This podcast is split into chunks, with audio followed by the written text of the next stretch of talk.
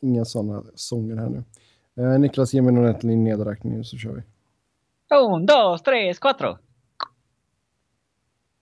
Ja, där fick du den. Hej allihopa och hjärtligt välkomna till ett nytt avsnitt av Svensk Fans. Svenska Hansen podcast. Robin har druckit lite för mycket. Eh, men eh, jag och Niklas är väl, eh, ja vad ska man säga, Nyktra. Nyktra och eh, vid... Eh, Tala för dig själv. ja, okej. Hej och välkomna till Fyllepodden. Jag är här eh, nykter ska sägas, men jag kommer från reklamfilmsinspelning av Absolut Vodka. Det är därför Niklas tycker att det är kul att skämta. Däremot luktar det smink eftersom jag fortfarande är sminkad.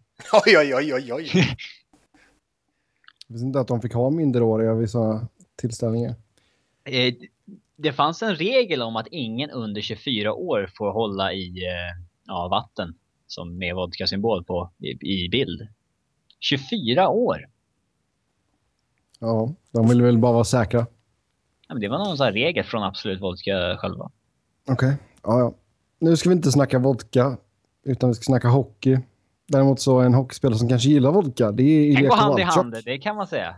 Mm, kan gå hand i hand med de ryska spelarna. Ilja Kovalchuk eh, ryktas vara intresserad av en flytt tillbaka till NHL eh, säsongen 16-17. Eh, han gick ju som bekant i eh, NHL-pension för ett tag sedan och flyttade tillbaka till KHL. Eh, Niklas, är det bara på grund av eh, Ruben som håller på att tanka just nu som att eh, Kovalchuk kan tänka sig en, en comeback i NHL? Eh, mina källor säger det. Det kan inte vara lika kul där borta heller. Nej, jag... Alltså... Det har väl inte, han har väl inte varit dålig så sett egentligen. Sen samtidigt så har det väl inte blivit någon jättesuccé heller. Alltså tittar man på... Första året var ju 16 kassar på 45 matcher med skit. Ja, och liksom tittar man denna säsongen så ligger han ju en bit efter eh, poängliga-toppen och så vidare. Radlov springer ifrån. Ja. Så det, personligen har det väl kanske inte blivit någon jättesuccé. Sen ska jag väl villigt erkänna att jag inte följer KHL sådär liksom. Så eh, han kanske dominerar match efter match efter ma- match liksom. Det, det vet jag faktiskt inte. Men det är ju inte det intryck man har fått. Ja. Men de säger väl att det är liksom eh, osäkerheten med rublen och kan tänka mig att viss osäkerhet kring eh, alltså Ligans, ligan som eh, helhet, ja, liksom den ja. statusen och framtiden där påverkar också. Eh, vad är det som krävs då för att Kovalchuk ska kunna göra comeback i NHL? Det snackas om att det är för säsongen 16-17 så det är inte eh, den här sommaren som det blir aktuellt. Då. Ska, viktigt att tillägga kanske. Men eh, alltså antingen så får han ju inte spela på ett år, alltså ingen hockey överhuvudtaget på ett år och då blir han UFA. Eller så kan han signa med något av lagen och eh, behöver då 29 andra lagens godkännande. Ehm, sen verkar det finnas någon form av eh, punkt i CBA som gör att man kanske slipper det här godkännandet av de 29 andra lagen om han signar med New Jersey. Jag tänkte komma till det, för om jag skulle han signa med något annat lag och sen behöver 29 stycken som går med på det, då kommer ju Lou bara nej. Ja, alltså Ja, kanske inte Lou om de har en bra relation, men liksom varför skulle... man säger att Pittsburgh vill signa Ja. honom, då kommer ju inte Philadelphia säga okej, då är de dumma i huvudet om de gör det ju. Ja, det är ju... Eller liksom Islanders vill plocka in honom jämte Tavares, varför skulle Rangers eller Philadelphia eller Pittsburgh eller vilket lag som helst för den delen acceptera det liksom? Inget lag skulle ju acceptera att en divisionsrival tar in en sån kille. Nej. Om, om man enkelt kan trycka på en knapp och säga nej bara. Mm. Det är ju larv, alltså egentligen... Det är larv att göra annat tycker jag. Alltså att liksom, nej men eh, vi vill möta de bästa, bla bla liksom. Fan heller liksom. Det finns ju, eh, man- man skulle i och för sig aldrig underskatta den här, eh, alltså ibland råder det en liten udda kultur i NHL, alltså det här eh, motståndet mot offer sheets till exempel. Mm. Så det, man kanske skulle kunna ställa sig inför någon halvt liknande situation här där liksom ligan som helhet om man säger så, alltså alla lagen då inte vill ställa till med rubriker och så vidare och, och därför eh, låter man honom komma tillbaka liksom. Mm. Eh, jag skulle väl också kanske se det som att ligan kanske ser det som en eh, liten eh, statussymbol och, sådär att han väljer att lämna KHL igen. Eh, så det, det, det finns några sådana intressanta faktorer som, eh, som eh, finns i det här fallet. Men krävs det 29 lag ska säga okej okay, så har jag ju jävligt svårt att se att det blir av faktiskt. Mm. Vi säger att han inte behöver godkännande då från de andra 29 lagen. Eh, vilka lag tror ni skulle kunna tänka sig att ta in Kowalczyk? Alla bör ju undersöka möjligheten. Mm tycker jag i alla fall. Men om vi pratar sommaren 2017, eh, då får man, ska man ju komma ihåg, då är han 34 bast. Sommaren 16? Eh, eh, hans kontrakt går ut. Ja, men det verkar som att sista året kan han... Eh, ja. Kan han ja, men då är han 30, 33 bast. Eh, han är ändå past prime om vi säger så. Och hans sista NHL-säsong var ju hans eh, sämsta. Eh, även fast det var en kort säsong så är det svårt att bedöma. Men ja, man får se. Ja, man tar väl inte in honom på ett femårskontrakt direkt? Ja, det måste du nog göra. Minst. Ska, du, ska du få honom så kan jag kanske tänka mig att uh, du behöver pynta upp lite som, som kanske Philadelphia gjorde för Cavalier, något sånt där kontrakt. Så lite ändå? Uh, ja, kanske. Jag tror det. Ja. Jag, jag, tror det är liksom... Det var lite jag, jag tror inte du får billigare. Ja. Eh, med, med VM-turneringar och skit liksom. Ja. Man... Du får ju definitivt inte billigare och liksom... Nej, nej, nej, nej. Någonstans bör... Visst, det finns säkert någon, någon galning som är redo att slänga upp liksom 7-8 miljoner på honom på ett femårskontrakt. Ja. Men... Uh, hade det varit den här alltså, sommaren hade, jag, hade det garanterat skett. Då ja. hade någon pröjsat ja. 7 gånger 7 men, men ska han till de här riktiga lagen så eh, kommer han ju inte få ett sånt kontrakt. Då får han nog nöja sig med eh, lite lägre lön tror jag. Men kanske fortfarande samma antal år. Vart hade det varit coolt att se honom då? Buffalo. det kommer, kommer bli ändå bli så bra ändå. Men... Eh, svårt att se den här naturliga fitten någonstans. Capitals. Med Ovechkin? Ja, får de äntligen den där tredje länken. Mm. Vem fan... De kommer ju slåss om att få skjuta pucken. Jajamän. Båda två bara gormar och Bäckström hela tiden. Ja.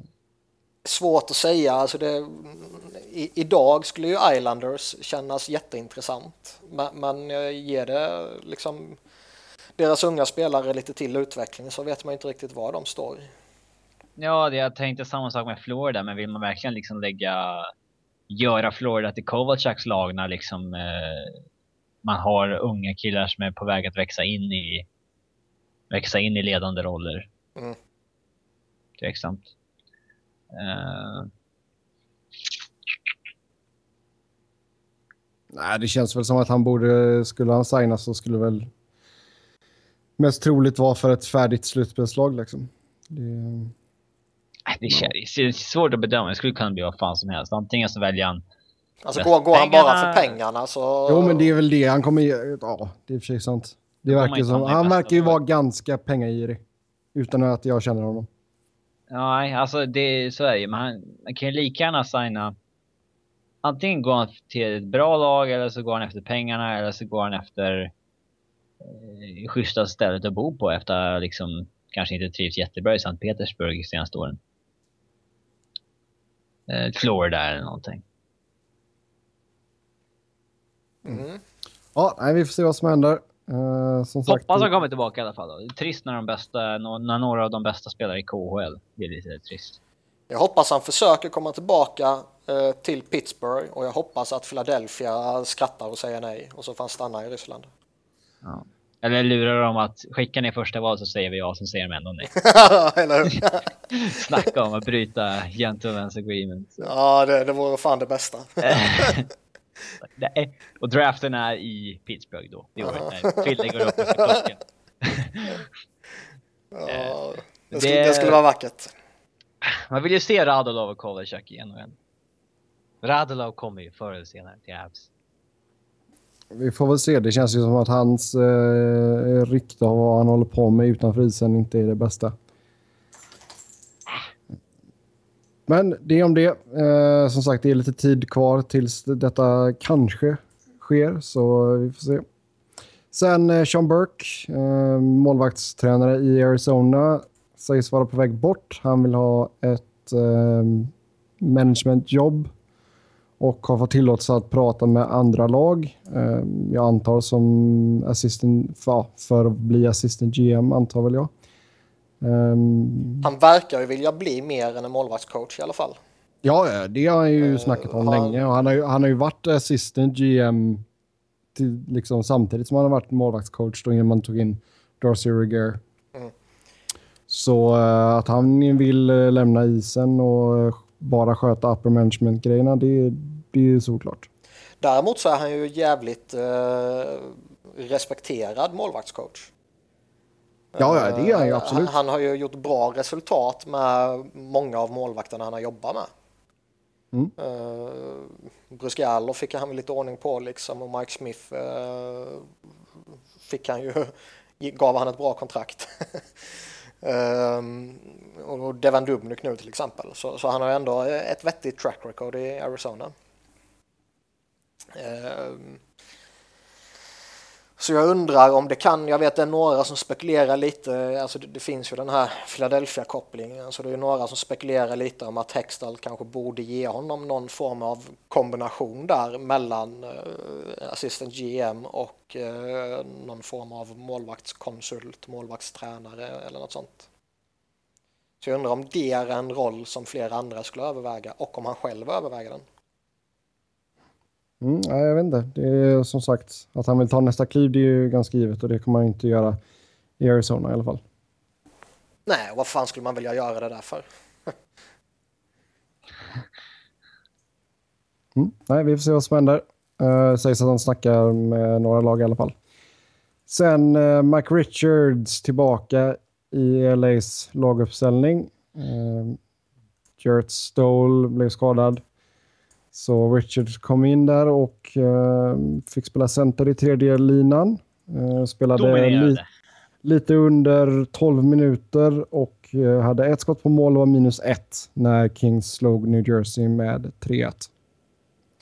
Ja, jag såg de två första halvlekarna, eller perioderna. och... vad sa du?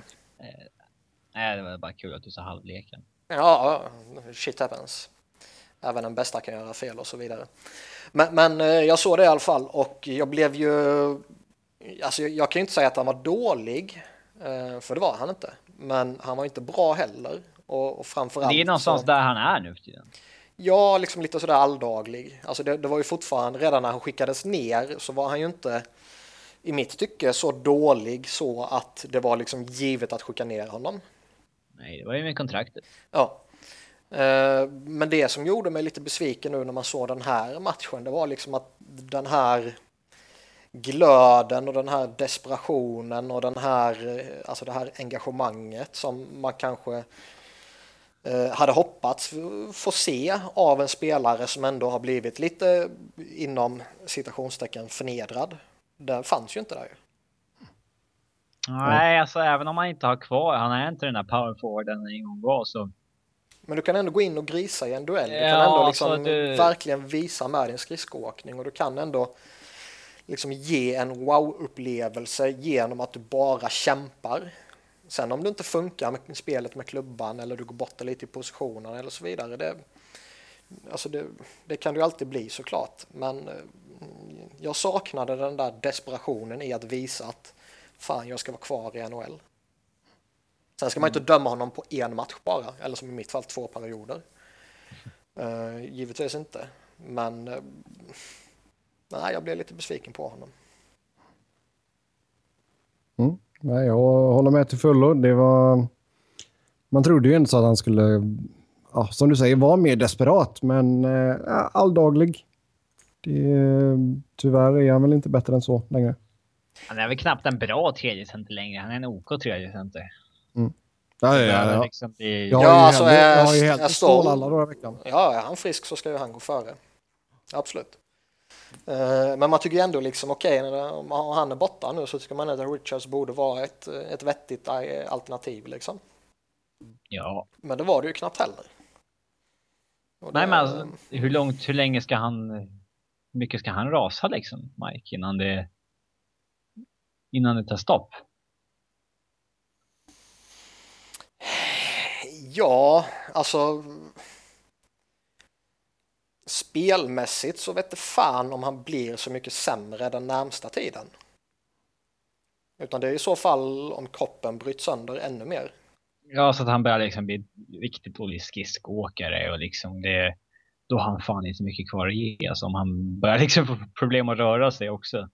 Nej, exakt. Uh, ja sen, så, sen så känns det ju ändå som att Kings gör ju rätt som spelar honom igen. Uh, oavsett eventuell skadesituation på, på Jared Stall så tycker jag det var rätt att, att köra med honom nu igen med tanke på vilken situation man befinner sig i i uh, jakten på slutspel och, och så vidare. Och eh, liksom, I det långa loppet är det ju ändå fullkomligt ohållbart att behålla Mark Richards nere i AHL när han har fem säsonger kvar på sitt kontrakt. Liksom. Ett enormt misstag att inte Amnesty köpa ut honom där när de när de hade den här äh, riktiga tunga cap-situationen framför sig. Mm. För fan, vad fan trodde de att han skulle studsa tillbaka till en första line center? Eller liksom han, det var ändå så pass klart att han inte skulle leva upp till det där kontraktet längre. Så att det, det borde varit en given buyout. Ja, men det är ju den här lojaliteten som vi har pratat ja. om liksom rätt länge. Exakt. Att uh, Dean Lombardi var väl rätt tydlig med det också att uh, ja, vi vill ge honom en sista chans liksom. Uh, Den borde han fått sommaren innan tycker man. Ja, eller, eller att han borde fått det liksom under säsongen eller något sånt där när man vet att okej okay, nu har vi sista chansen att bli av med honom. Sen vet inte jag hur, hur, hur välmående är LA. Skulle de kunna ta en buyout-kostnad för honom? Har du någon koll på det Sebbe? Nej, inte så här på rak arm har jag inte. Uh, alltså rent, rent ekonomiskt är det inga problem. Mm. Hur mycket är han kvar på det där kontraktet egentligen? Hur många miljoner är det kvar på det? 20, 25? Mm. Det är väl, ja. Alltså, det betalar inte ut allt. Nej. Men det är självklart, jag håller med, alltså, eller jag håller med dig Robin, där, att det är klart man skulle kört Amnesty buyouten på honom och men det är ju, alltså, Din Lombardi har ju visat lojalitet vid fel tillfällen till spelare och det har vi sett med Dustin Browns kontrakt som jag har pratat om många gånger att det är jättedåligt. Uh, så vi får se vad som händer i framtiden här med Kings och missar man slutspel så... Vad som händer med Justin Williams. Då är det ju verkligen uh, dags att hitta på någonting. Han har ju rätt saftig lön kvar alltså. Han ligger på 7 miljoner denna säsongen. Han har 6 miljoner, 5,5, 4,5, 3 och 3. Han har inga så här två år på 500 000 som typ Z har. Nej. Mm. Ja, vi får se vad som händer med Mike Richards. Um, fram till Ståhl kommer tillbaka i alla fall så kommer han ju vara i line-upen. Uh, sen, Borde uh, vara det efteråt också kan jag tycka. Annars ja. liksom... Ja, ja, vi får se vad som nu, händer. Nu måste man ju verkligen lägga alla kort på honom och hoppas att okej, okay, spela honom och hoppas det funkar. Mm. Uh, för liksom jag, jag, ser ju inte att okay, spe, spela Richards eller någon annan stollar de har som 13, 14 och 15 forward. Det ser jag ju ingen skillnad på. Då kan man lika gärna hoppas att Richards kommer tillbaka. Mm. Eh, vi går vidare till Boston där Doug Hamilton är borta på obestämd tid. Eh, ska undersökas igen av läkarna om några dagar här. Och eh, just nu så är Bruins utanför slutspelet. Och eh, vad kan det här betyda för dem? Är ett rätt hårt slag med tanke på att han är rätt viktig för dem. Deras bästa back. Ja. Och en pungspark som kommer vid helt fel tillfälle. Ja, Ja. Det, det, är ju ett, det är ju ett sätt att säga det faktiskt. Eh, just nu ser man ju en poäng efter Ottawa. Uh, sista Och en match mer spelad. Ja, och en match mer spelad, exakt. Mindre än Och- 10 matcher kvar på säsongen. Mm. Ja, och och då då på sin har bästa redan- back skadad. Ja, och då har redan Krejci skadad då till exempel. Ja. Så det är jobbigt för dem. Det är Och- jättejobbigt för dem. Ett. Ottawa som går som tåget också. Du slängde ju ut en tweet om att du tror att Boston kommer reda ut det här, men det var ju, alltså Niklas då. Eh, men det var ju innan. Det var inför innan Hamiltons den här skada. skadan. Sen, sen är ju frågan då, okej, kommer de bara saken ha i två matcher? Eh, Ja. ja. Eh, Med tanke på att han är ute på obestämd tid och ska undersökas om några dagar igen. Eh, Då känns det ju ändå som att det finns hopp om att det kan bli väldigt kortvarig. Men om han är borta grundserien ut, hur mycket försämras deras chanser egentligen? Jag tycker det försämras jättemycket. För det är som du sa, alltså Zdeno Chara är ju, har vi pratat om jättemycket. Han, han är ju på tydlig nedgång, även fast han fortfarande är okej så att säga. Han Eh, kan, han den- kan ta sin vikt, ta sitt lass. Ja. Dennis Seidenberg är ju, han har tappat av rätt mycket efter den här knäskadan faktiskt.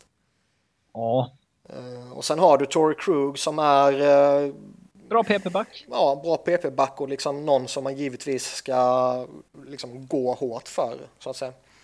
Men eh, annars är det ju Doggy Hamilton som är liksom den stora eh, spelaren att luta sig på.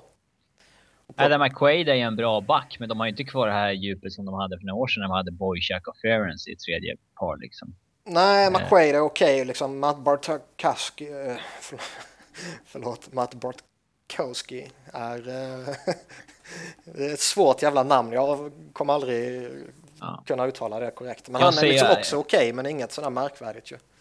Så det är ett jättehårt slag för dem att tappa Doggy Hamilton. När de redan har Krejci skadad också, som sagt. I det här läget. Det, det kan... Ja, det ska bli ruskigt intressant att följa slutspelet. Alltså, i, i nuläget tror jag... Ah, det är fan nog 50-50 mellan Ottawa och Buffalo. Eller Boston.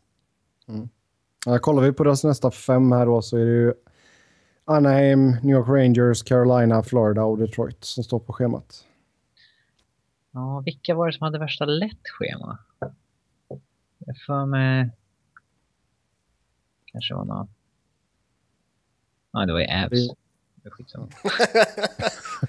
Fan, Ja, vi får se om det, det vet jag inte. Samtidigt som Ottawa då har Rangers, Toronto, Florida, Detroit och Tampa. Ja, och jag har sagt det tidigare och jag säger det igen. Alltså, och, ja, vi ska väl inte prata jättemycket Ottawa och Hammarby och så vidare för det kommer lite, lite senare.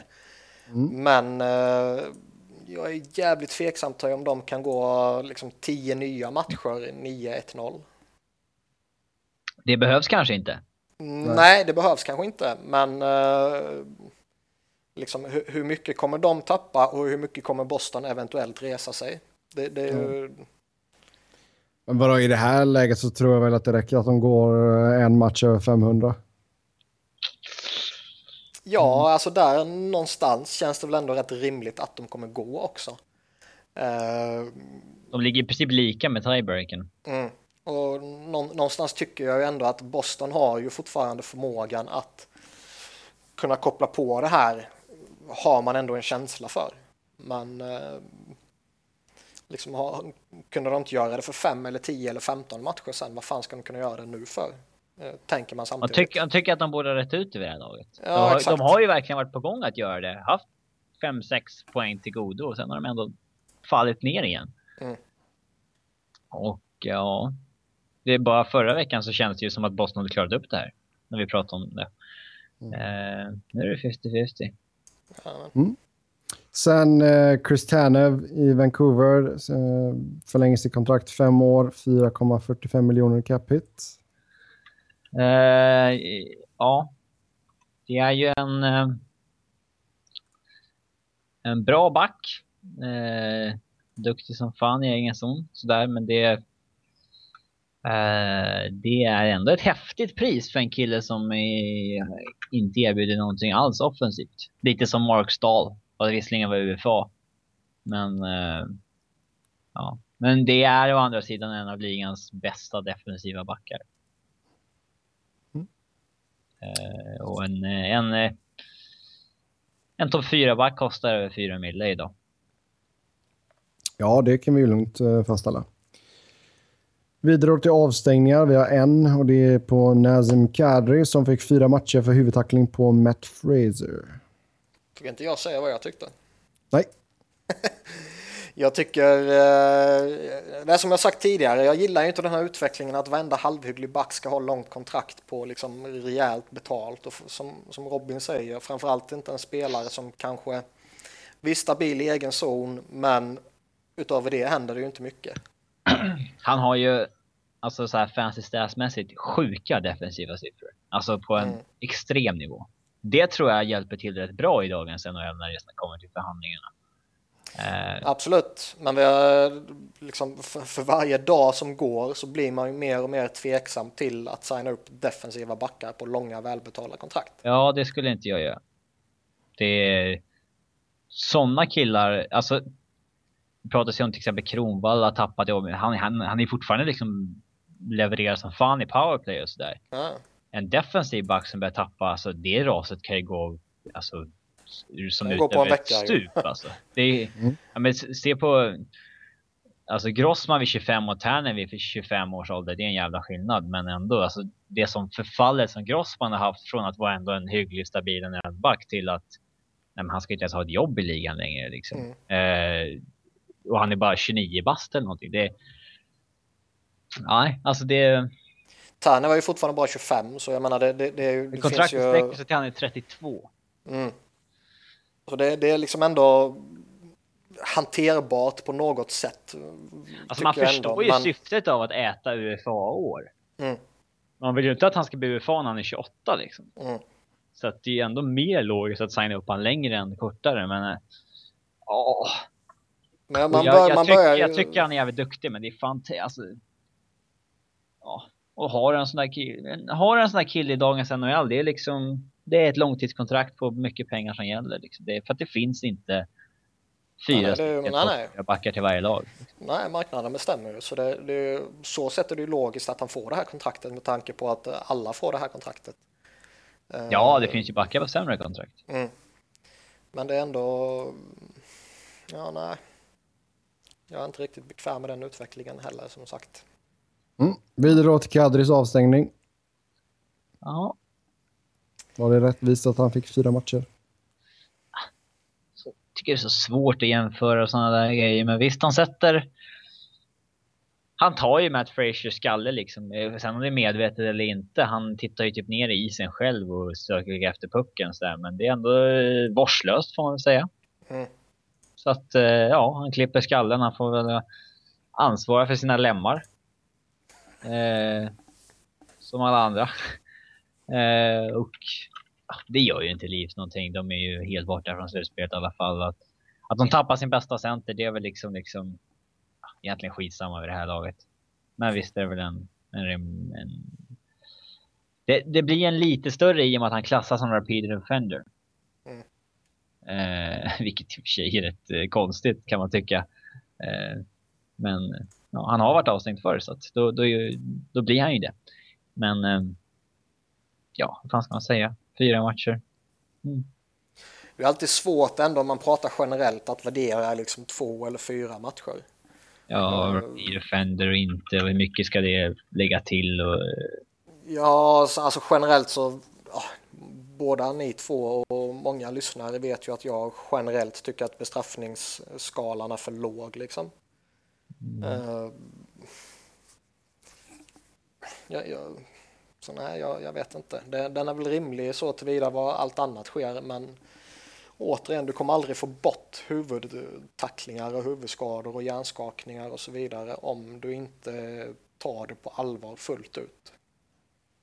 Och när en repeat offender som man ändå är smäller en snubbe i huvudet kan jag tycka att fyra matcher eh, inte räcker. Mm. Men ser man till verkligheten hur alla andra behandlas så är väl fyra rimligt. Ser man på tacklingen i sig, det är upp, alltså jag tycker inte att det finns något uppsåt där. Det är bara en klumpig grej av en ung kille liksom. ung Ja men, ja, ja, men det är ändå sådana grejer som kommer orsaka allvarliga, eller kan orsaka allvarliga saker. Ja, men det, jag tycker är en jävla skillnad. Det- Man ser tydligt att det finns ett, ett uppsåt. Ja, det är en jävla skillnad på om du jagar huvudet eller om det är lite oturligt givetvis. Jag tycker att det här fallet är lite oturligare i kategorin. Det håller jag med om, men, men jag tycker fortfarande att man tar för lätt på, och nu menar jag generellt, kanske inte bara denna situationen då. Tycker jag fortfarande man tar för lätt på eh, våld mot huvudet. Eh, En annan regel då som man tog in inför den här säsongen det var ju att man skulle bötfälla spelare som uh, slänger sig. Och uh, Pique Subban har blivit uh, åkt på en till fine här. Så nästa gång han dyker så kommer tränaren Michel Therrien också få böta. Vad tycker du om det? det argt. Ja, det, det kommer bli, det komma, alltså jag skulle vilja vara i det rummet när de får reda på det, för han har ju behandlat Subban lite, alltså petat honom vid udda situationer där de jagar ett underläge och, och sådana grejer liksom. Eh, så frågan är ju om, liksom, om, om Terräng är ju väldigt old school också. Ja, han är ju det och, och frågan är ju om det på något sätt en sån här grej då att han också blir bötfälld för en filmning och om det då kan eh, påverka relationen ännu mer. Eh, nu ska jag väl, om jag drar mig till minnes, så är det väl rätt länge sedan det var någon sån där grej med att Subban inte fick spela under ett viktigt skede när de jagar mål eller sånt här liksom. Eh, men liksom det har ändå varit påtalande under åren. Nej, Jag hade blivit fly förbannad som tränare ifall jag åkte på böter för att en spelare filmar. Liksom. Men vad är böterna på allvarligt talat? Jag tror det är Jo, 2000 det är, klart, det är klart att de är, böterna är för låga, men alltså själva grejen. Det är väl bara Det- att Subban pröjsat där i en del. Liksom. Ja, jo, han har ju mer pengar så det, är väl rätt logiskt. Men, men det är ju ändå liksom just själva grejen. Eh, sen, tycker jag väl eh, Alltså återigen, precis som samma grej vi, alltså som vi pratade om avstängningar för, för skador och så vidare så tycker jag väl återigen att okej, dela ut böter på vad är det, 3000 dollar eller vad fan det är till PK Subban liksom. Det är ju helt meningslöst ju. Jo. Det ger ju inte Jo, någon klart effekt det. överhuvudtaget. Eh, och jag tror väl inte heller att han bryr sig så jävla mycket om han skulle få en matchs avstängning om man nu skulle gå den vägen liksom. Utan vill man få bort med det så häng ut dem riktigt rejält offentligt och eh, ge dem riktigt stora böter. Mm. Om man nu eh, anser att det här är ett så stort problem. Vilket jag kan tycka att man eh, kanske ska anse det vara. Ja, ja, sen har vi hela den debatten om att ska man ta en utvisning och en, en filmning på samma gång. Det har vi sett många gånger. Jag tycker det finns ju många situationer där det är befogat. Att, för det, det kan ju faktiskt vara en, ett regelbrott. Jag kan ju faktiskt begå en, ett regelbrott på Robin. Eh, utan att för den delen eh, liksom att det är så pass allvarligt. Eh, så att han eh, ska stå upp liksom. Mm. Eh, och han Men det är, det är för... eh, Men det är för ofta. För, det är för mycket begärt att domaren själv ska se den situationen live alltså, och bedöma att okej, det var en tillräckligt stor förseelse för utvisning, men förstärkningen var eh, för, för, liksom, för grovt för att eh, jag står i parti med brottet. Liksom. Det, är- det är för många aspekter som domaren ska ta beslut om på en sekund där.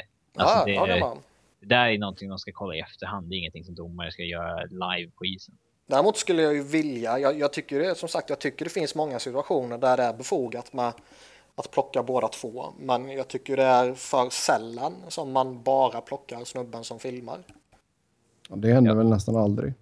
Nej, jättefå gånger. Ja. ja, någon gång i månaden typ. Ja, eh, vi går vidare och eh, en kille som filmar lite då och då, det är ju faktiskt Sidney Crosby. Eh, Bill Guerin, assistant GM i Pittsburgh, eh, medger att Penguins gnäller lite för mycket och att det kan påverka ett slutspel. Och håller vi med honom om detta? Det är ju intressant så tillvida att rätt många har ju gnällt om att de gnäller för mycket. Eh, så det är ju intressant. Nu kommer jag inte ihåg vilket, jag tror det var ett radioprogram eh, där han gästade, där de tog upp det.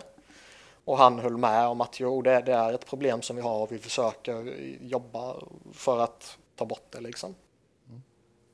Men det är alltså där får du ändå så lägga lite alltså, skuld på Crosby. Det är ändå så världens bästa hockeyspelare. Det tror jag vi alla kan vara överens om. Ja, det Men det är, det är en knill, kille som gnäller oerhört mycket och som filmar alldeles för ofta också. Han är för bra för det. Han behöver inte filma. Han behöver inte gnälla så fort ett domslut går emot honom. Sen, sen är det ju det, det, är viktigt också på att jag, jag håller med i det du säger, men det är viktigt också att skilja på gnäll och eh, liksom eh, vad ska man säga, jobba på domaren. Ja, i egenskap av lagkapten också. Liksom. Ja, som lagkapten och, och, som liksom den profilen han ändå är så ska han ju tugga med domaren, eller domarna rättare sagt. Jo, men han kan, uh, göra det, han kan göra det konstruktivt. Han behöver inte stå, alltså. Han behöver inte åka och lipa i deras öra liksom. Nej, det, det, är ju överdrivet det han gör ibland, men det ja. finns ju ändå liksom förmildrade omständigheter med tanke på vem det är kan jag tycka. Och, och liksom det finns det ju för alla lagkaptener i ligan och, och, och vissa som är eh, så pass stora stjärnor också kan jag tycka. Mm. Jo, absolut. Jag säger inte att de inte ska prata med domarna, det ska de göra, men mm. alltså det, det är ju alldeles för mycket gnäll från hans sida. Ja, och lite sådana och lite, lite för mycket klagomål vad det framstår som. Sen hör jag ju väldigt sällan vad han säger, men eh, om man kan titta på lite kroppsspråk och tidigare situationer och, och så vidare. Liksom.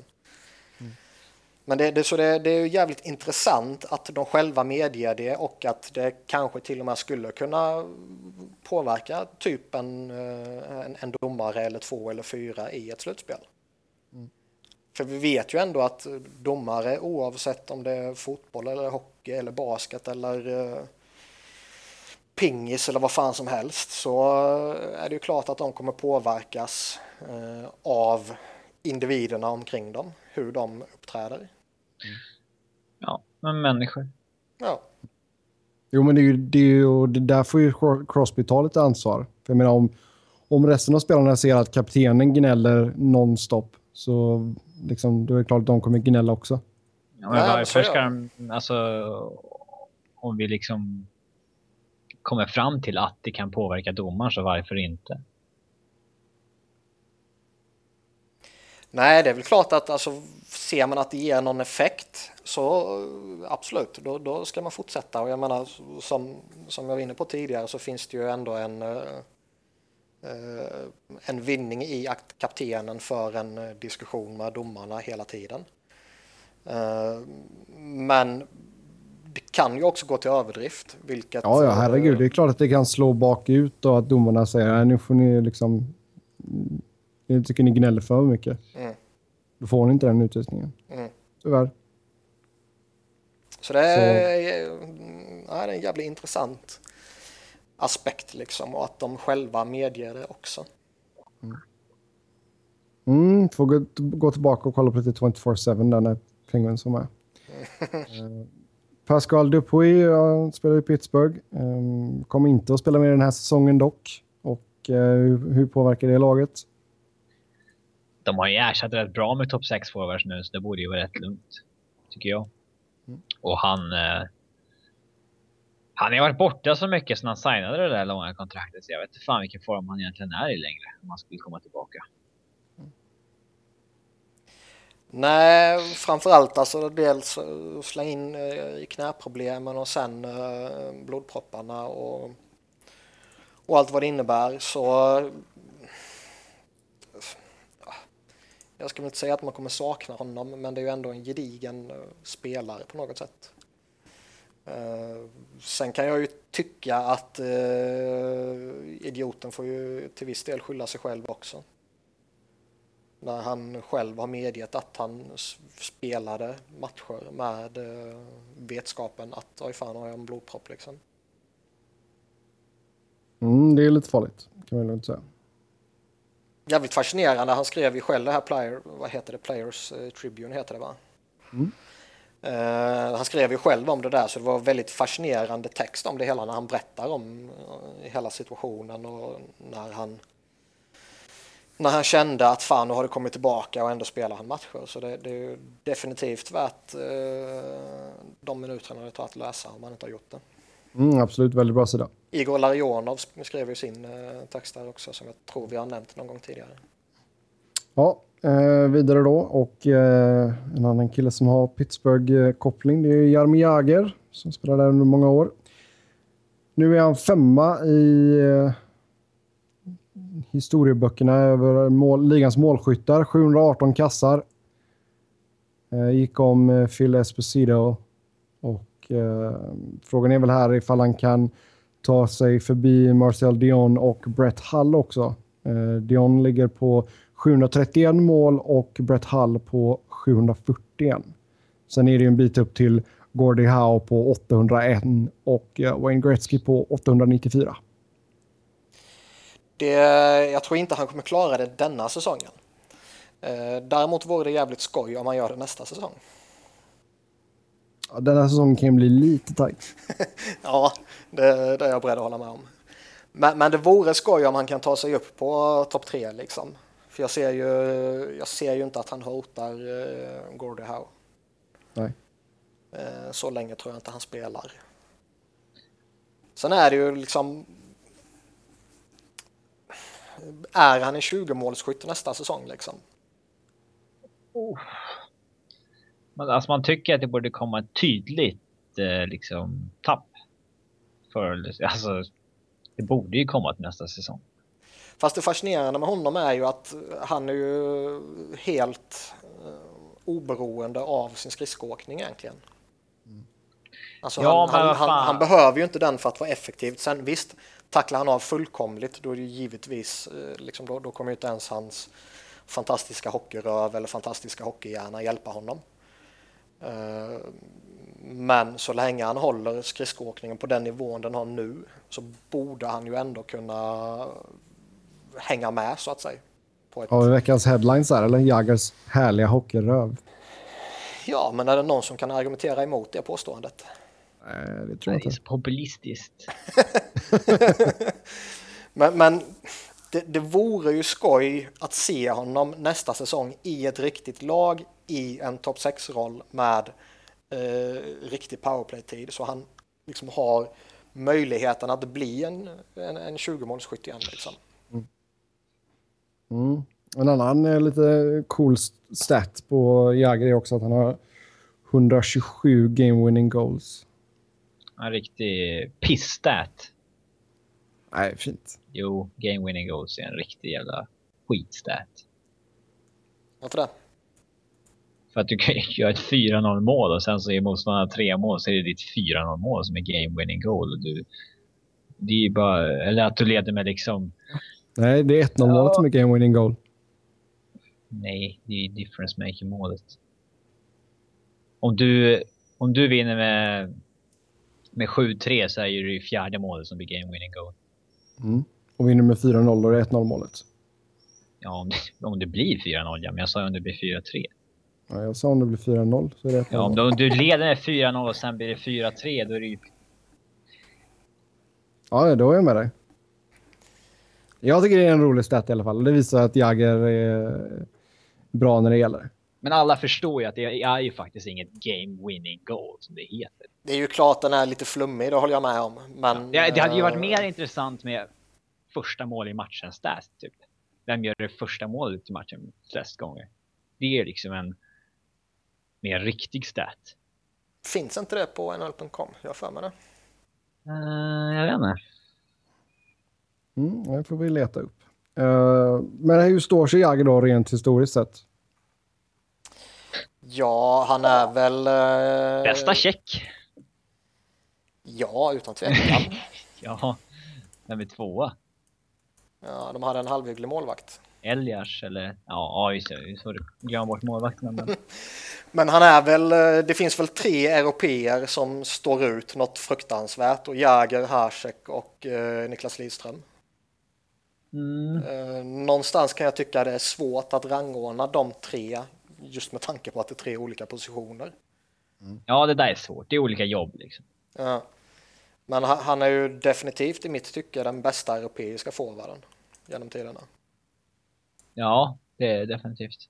Och sen som sagt, sen är det svårt som fan med eh, liksom hur rangordnar man Jäger och hans eh, jättelånga karriär och hans eh, prime jämfört med Niklas Lidström och hans långa karriär och hans prime och eh, Dominik Haseks eh, Ja, men där får du ju- 6-7 säsongers helt galna jävla prime liksom. Där får du verkligen skilja på positionerna tycker jag. Faktiskt. Det, det intressanta med Jagr är att hans rykte har ju förbättrats något enormt sen han kom tillbaka till NHL. Mhm. När han stack från NHL till KHL, då var ju han killen som liksom inte ville vinna. Han, han var en diva som inte brydde sig och liksom så här bla bla. Det var ju det ryktet han hade då. Mm. Mm. Nu, nu klassas han ju som en kille som är grym att ha kring dina yngre spelare. Som ett grymt föredöme för andra. Så var det inte alls förut. Han är ju Nej. i princip Alex Yashin-rykte tidigare. Ja, alla, alla kan mogna. Mm, absolut. Det är en kille som eh, definitivt eh, visar att det är värt att träna lite extra. Ja, det är omöjligt om du inte tränar lite extra i den åldern. Sen har han har ju Ja. faktiskt en, en eh, han kan ju ta sig förbi Ron Francis i antalet poäng också. Så han kommer på fjärde plats där. Det är bara sju poäng upp nu. Och sen är det ytterligare, han är på 1791 poäng nu. Sen är det ytterligare ett steg till Gordie Howe på 1850 poäng. Det blir nog jobbigt. Mm, då får han nog spela två år till va? Ja, fan vet om han gör det. Kanske han spelar nästa år liksom. Ja, vi får se vad som händer. I alla fall Jagr är en av de största européerna genom tiderna. Eh, vi, har lite, vi har haft James meeting och eh, de träffas där i, vad är det, Boca Raton? Boca! Chillar lite, spelar lite golf. Snackar lite, om, Badar. snackar lite om vad de ska göra för att förändra spelet. Och eh, det har varit snack om tre mot tre i övertid. Ehm, förslaget är att man ska köra tre minuter, fyra mot fyra och sen antingen fyra eller fem minuter, tre mot tre. Nej, nu tolkar du mitt eh, kommatecken fel. Ja, du menar att man ska köra fem minuter, tre mot tre? Ja. An- Antingen kör man AHL-upplägget eller så kör man eh, fem minuter tre mot tre. Det är väl som jag har, eh, det är vad mina källor säger mig i alla fall. Ja, men det är bra. Det är bra att du rättar med det här. Ja, jag känner Eh. behov av det. Rent generellt sett så tror jag väl att vi alla skulle uppskatta ifall färre matcher avgörs på straffar. Ja, vi pratade om det här förra veckan och då, då var det väl mer, eh, då var det väl inte klart att det här skulle rekommenderas så att säga. Eh, För det är ju fortfarande inte klubbat och klart. Eh, Det är väl bara en formalitet, men spelarfacket och vilka var det mer som skulle godkänna det? Det var spelarfacket och ägarna tror jag det var va? Eh, Så det är, eh, men det är väl bara en formalitet. Alla verkar vara inställda. Sen verkar det däremot fortfarande vara lite så här, okej, ska vi köra sju minuter eller ska vi köra fem minuter?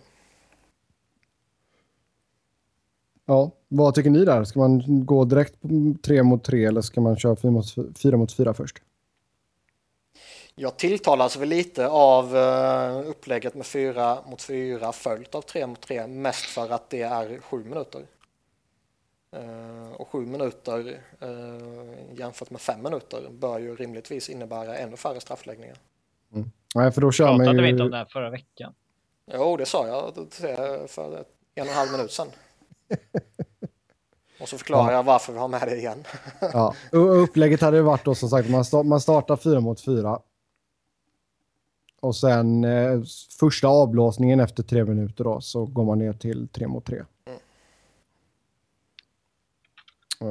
Ja, nej, jag kan väl köpa det också. Det enda alltså, motargumentet har väl varit lite att man... Eh, det blir fler minuter på sina toppspelare liksom. Ja, men tre mot tre är ju förbannat skoj att titta på. Absolut. I alla fall i NHL. Det har Mm. varit pisstråkigt i Sverige. Um, som sagt, det, ja, ni hör alla att vi är tre positivt inställda till det här i alla fall, för vi gillar inte straffläggningar. Vi vill spela tre mot tre. Vill mm. ni möta oss på tre mot tre så... Uh... så kommer Robin hyra Globen i sommar. ja, exakt. um, ja. En annan grej som man tagit upp det är det här med coaches challenge och um, ja, alltså det är som sagt, det, det är väl snack om att det ska vara vid goal interference och puck over glass. Och, uh, och det är inte Tanner man... Glass utan sargen då, plexit. Ja, exakt. Tanner Glass uh, är en helt annan uh, soppa. Och skulle man då miss, alltså skulle man då förlora sin challenge då så blir man av med timeouten. Och uh, ja, det är inte så att man skulle kasta in en liten flagga eller någonting som man har i, i amerikansk fotboll, utan det är mer att man skulle signalera till domaren vid avblåsning att hej, ta en titt på detta. Um, spontana reaktioner, vill vi ha en coaches challenge? Uh, det beror på vilka situationer den skulle gälla och sådär. Mm, men som jag säger, pack, pack over glass och uh, goal interference. Jag tycker ju att det har varit så många udda jävla goalie interference situationer de senaste säsongen. Eller de senaste mm. säsongerna. Uh, alltså både där det inte är någon kontakt överhuvudtaget och det blåses eller där det är jättemycket kontrakt, eller kontakt och det frias. Mm. Uh, så där tycker jag att man måste göra någonting och det här kanske är värt att testa liksom. Uh, mm. Nej, jag håller med dig och jag tycker en, en challenge räcker ju faktiskt. Ja, de har honom typ tre eller fyra eller fem sånt där i fotbollen va? Jag tror det är tre. Uh, det, det tycker jag, jag är inte helt säker. Uh, det, det, tycker jag är alldeles för mycket för hockeyn. Utan en tycker jag kan vara lite charmig. För liksom börjar man slänga in för mycket sådana grejer då tror jag att uh, liksom, tittar du på en fotbolls, alltså amerikansk fotbollsmatch då så är det ju fan mer uppehåll och pauser än vad det är spel för fan. Ja, det är det. Ja, det är väldigt, det är väldigt korta effektivt spel. Ja, och liksom slänger man in för många sådana här grejer då tror jag det i långa loppet riskerar att bli likadant Två stycken. Liksom. Två stycken. Mm. Eh, däremot ifall båda två är, alltså att man har rätt i båda två, så får man en tredje. Okej, okay, ja. Uh... Däremot, däremot, när man flippar ut pucken över plexit, liksom, det, det känns liksom att är det verkligen så många situationer? Jag tycker de är rätt duktiga på att avgöra det där faktiskt. Är ja, det, det är ofta spelarna protesterar vilt, sen så ser man på reprisen att det är helt rätt när det är super slow motion. Ja, alltså jag det tycker ju... det är väldigt sällan som de bommar det där domarna, det måste man ge dem. Och sätter de 99 av 100 eller 95 av 100, då är det inte värt att det ska in med en sån grej. Nej, exakt. Då får man, då får man ta de gånger när det blir fel istället. Ja. Tycker jag. Men alltså all, alla former av mål. Härom natten fick vi en eh, situation som inte är reviewable igen när Abdicator slår in den i mål med en trasig klubba. Det är en situation som inte är reviewable att göra mål med en trasig klubba. Eh, hade det, det, det hänt ju... före mötet hade de kanske dragit upp, ska det vara reviewable ifall eh, klubban är hel när man slår in den? Men där är det jävligt udda att de inte kan liksom fatta att alla situationer som på något sätt leder till ett mål ska vara reviewable i så fall. Mm. Ska det vara i sam... Alltså, ska det då vara om pucken var uppe i nätet och vänt fem sekunder innan och sen det blir mål? Eller är det bara liksom sekunder före det blir mål? Eller är det liksom... Eh, ja, jag alltså, menar typ, det, det, det, det, kan vara en tveksam offside i liksom ett anfall för två minuter mm. sen. Ja, eller i anfallet som...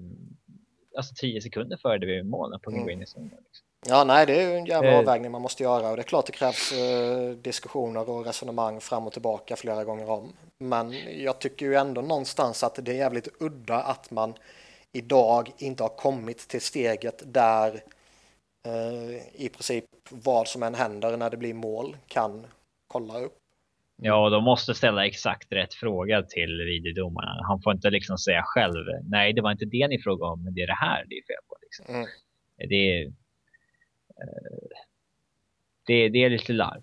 Ja, eh, där, där ligger fan Sverige före NHL. Liksom. I och med att man kan ringa på goal interference till exempel. Eh, det är stort kan... när eh, SHL är banbrytande. Mm. Ja. Ja, nej, vi får se vad som händer Men jag tycker absolut på goal interference och även som du säger Niklas, alla, egentligen alla målsituationer. Varför inte? Och eh, nästa fråga här då, eller nästa punkt för oss. Eh, vilka förändringar skulle vi införa om vi var eh, diktatorer över NHL? Jag skulle ha färre lag.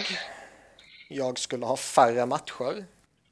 Och sen skulle jag ändra poängsystemet. Okej. Där jag vill ha två poäng för seger under ordinarie tid. Jag vill ha en poäng för seger under overtime. Och jag vill ha noll poäng för alla förluster. Eh, jag tycker heller inte om loser pointen. Eh, eller fram... Loser pointen är... Problemet är att det är lika mycket värt att vinna i OT eller eh, straffar som det är att vinna under ordinarie tid. Mm. Eh, förutom att man får en extra tiebreaker där i slutet på säsongen. Men eh, det är antingen får man gå in på trepoängssystemet tycker jag eller köra det som Niklas kör. Jag tycker inte att det är bra som det är nu. Ja, Alltså kö- köra tre, Alltså det tre, kopier, tre poäng för vinst och sen... och Antingen sen kopiera Sverige eller, eh, eller det Niklas. Ja, eh, trepoängssystemet tycker jag är bättre än eh, vad vi har idag. Men Jag kan, jag kan acceptera att man får en poäng för straff och overtime-torsk om man får tre för ordinarie tid. ja, Vinst. ja, det är bättre än vad man har idag. Men eh, jag skulle föredra det jag själv sa. Och sen Ja, liksom fa- färre lag. Färre matcher håller jag med dig. Färre Ja. lag. Färre, jag tycker inte det finns spe, eller spelare för att hålla igång 30 lag och ska de ha 32 lag så småningom så finns det ju inte lag, spelare för det heller. Så jag, jag skulle minska antalet lag. Eh, Det kommer aldrig nej, det kommer aldrig ske, men förrän den dagen jag blir uh, commissioner liksom. Men eh, färre matcher tycker jag faktiskt är rätt givet. Jag tycker 82 matcher är, alltså det är galet mycket egentligen. Alltså, Varje jag match är måste, värd jag så måste, ju gå lite. till, jag måste gå tillbaka till det här. Alltså, hur många lag hade du velat ha och vilka hade du tagit bort? Eh, jag hade Pittsburgh. tagit bort Pittsburgh och New York Rangers. Och Nej, jag har väl inte tänkt så mycket på vilka man skulle plocka bort och det beror ju på, liksom, gör man det idag eller gör man det om fem år så kan det vara en jävla skillnad på vad man gör. Men generellt så känns det som att de här lite mindre klassiska hockeymarknaderna kanske försvinner.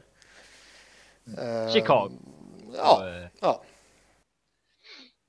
Eh, Det, det kommer det kommer all, alltså, nej, det kommer det går, aldrig det går, ske. ju- Och det går emot ens värderingar och man vill ju inte att ett lag som har liksom hur mycket fans som helst att, att deras lag bara, liksom, bara ska ta sig ifrån dem. Liksom. Nej, det är klart sådär. att eh, det kommer ju aldrig ske om det inte nu är så att de själva går omkull av ekonomiska anledningar och så vidare. Liksom. Men då kommer man Jag ersättas vill av andra och Jag inte... vill bara höra här vilka du hade tagit bort.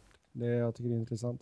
Vilka jag skulle ha tagit bort, det är de uh, tråkiga jävla lagen liksom.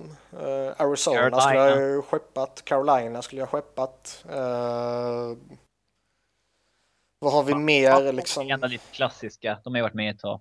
Eh, jag vet fan. Florida känns inte så jävla sexiga liksom. De eh, Du har ju... skeppa fyra. Hade du tagit Arizona, Carolina, Florida och... Eh, kanske Columbus liksom, kanske... Ja, det fjärde laget är svårt alltså. Man hade ju sagt San Jose om de inte hade varit så jävla bra senaste tio år. Ja. Eh, det känns ändå som att de har byggt upp någon form av supporterskara också liksom. Ja. Eh, New Jersey kanske liksom. Det känns ändå som det är jävligt osexigt numera. Det behövs inte tillag där. Nej. Fast, äh, Man ja. kan, ju- man kan ju inte plocka bort Toronto liksom eller Nej. Original Six-lagen eller de här lite mer klassiska lagen kan man ju inte plocka. Skulle inte Nashville fått sitt eh, uppsving här nu så skulle de kunna vara ett alternativ kanske. Men det kommer, det kommer förstås aldrig ske ett lag. Nej, det kommer inte ske och även om jag skulle, Skulle- bli commissioner så tror jag inte att jag skulle kunna få igenom det. Nej, skulle Arizona gå omkull så skulle de ju ersättas av Quebec till exempel. Det skulle ju inte bli ett lag färre. Nej. Eh, Men det här med 82 matcher, det är ju så jäkla inarbetat i NHL. 82 matcher. Det har ju varit, vad är det, sedan tidigt 90-tal eller någonting. Det var 84 matcher innan det. Mm. för mig. Mm. Det, men att liksom... Men, men grejen är att så länge ägarna tjänar pengar på det så kommer de ju aldrig minska antalet matcher. Nej. Sen visst, om, ja, det... Det, om det är 82 eller om det är 80, det är kanske är så skitsamma egentligen. Nej, men man vill ha ett dussintal färre i alla fall. Ja. Så att det blir lite mera... Eh, de får lite större betydelse helt enkelt. Ja, framförallt kan jag känna liksom att eh, okej, okay, det kanske inte är helt fel att få någon form av uppehåll här och där också för lagen ännu mer än vad man får nu. Så där, mm. där skulle jag minska med, ja, som Robin sa, kanske ett dussin matcher och sånt där.